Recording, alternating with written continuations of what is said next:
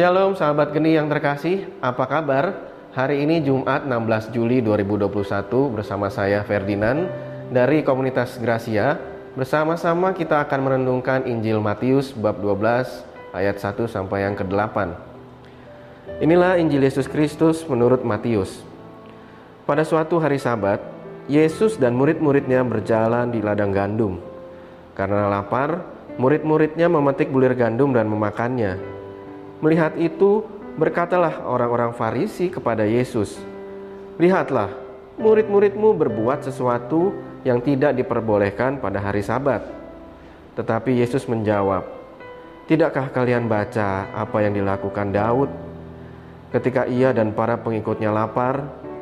Ia masuk ke dalam bait Allah, dan mereka semua makan roti sajian yang tidak boleh dimakan kecuali oleh imam-imam." Atau tidakkah kalian baca dalam kitab Taurat bahwa pada hari-hari Sabat imam-imam melanggar hukum Sabat di dalam bait Allah, namun tidak bersalah? Aku berkata kepadamu, di sini ada yang melebihi dari bait Allah. Seandainya kalian memahami maksud sabda ini, yang ku kehendaki ialah belas kasihan dan bukan persembahan. Tentu kalian tidak akan menghukum orang yang tidak bersalah, sebab anak manusia adalah Tuhan atas hari sabat. Demikianlah sabda Tuhan, terpujilah Kristus. Makan dan minum adalah kehidupan harian setiap makhluk hidup. Tanpa makan dan minum, makhluk hidup tidak akan mampu untuk bertahan hidup.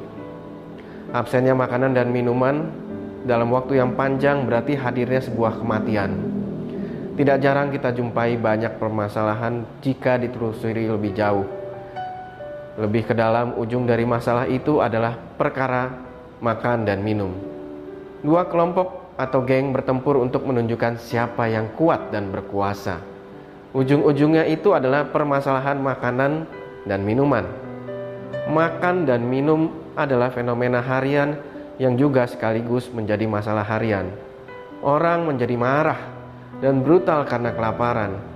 Orang tidak mampu berpikir panjang dan menemukan jalan keluar yang baik karena dalam situasi lapar.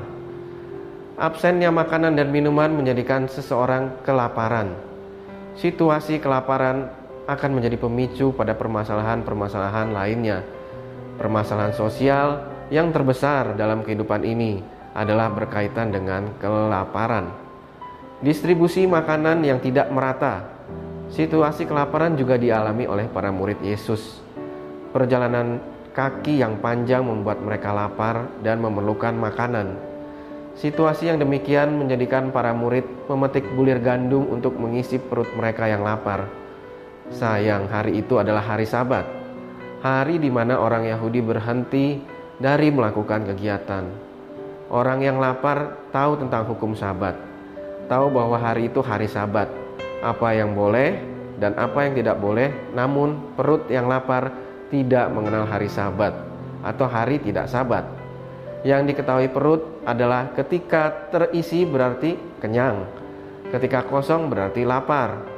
Tidak ada kamu Sabat dan tidak Sabat. Mereka yang kenyanglah yang mempermasalahkan hari Sabat atau bukan hari Sabat, melanggar hukum atau tidak melanggar.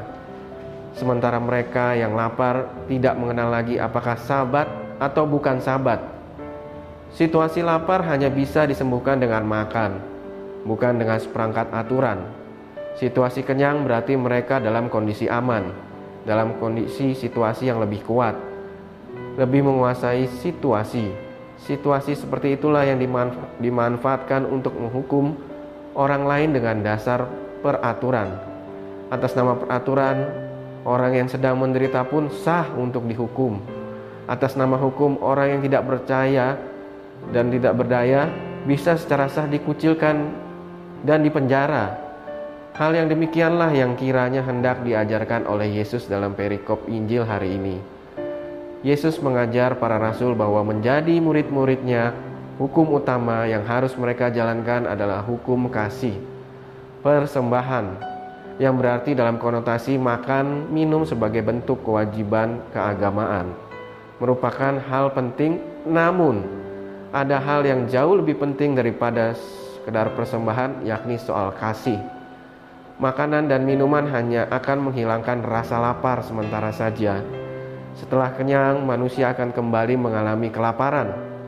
Melihat situasi yang ada sekarang ini, kelaparan besar manusia kita adalah lapar akan kasih.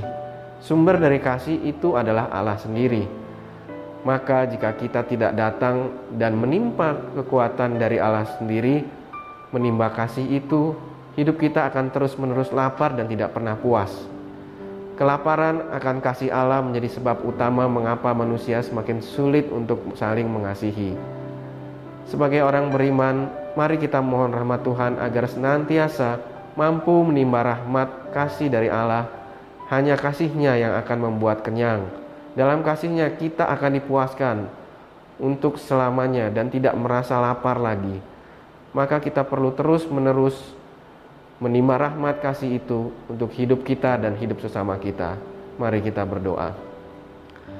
Ya Tuhan, kami bersyukur atas rahmat kasih yang senantiasa Engkau berikan kepada kami. Ajarilah kami untuk senantiasa berani datang kepadamu dan menimba rahmat kasih yang hanya berasal dari hatimu. Semoga rahmat ini menjadikan hidup kami semakin bergairah dan bersukacita. Tuhan, ajarilah kami untuk membagikan sukacita kepada sesama kami. Dalam nama Bapa dan Putra dan Roh Kudus. Amin.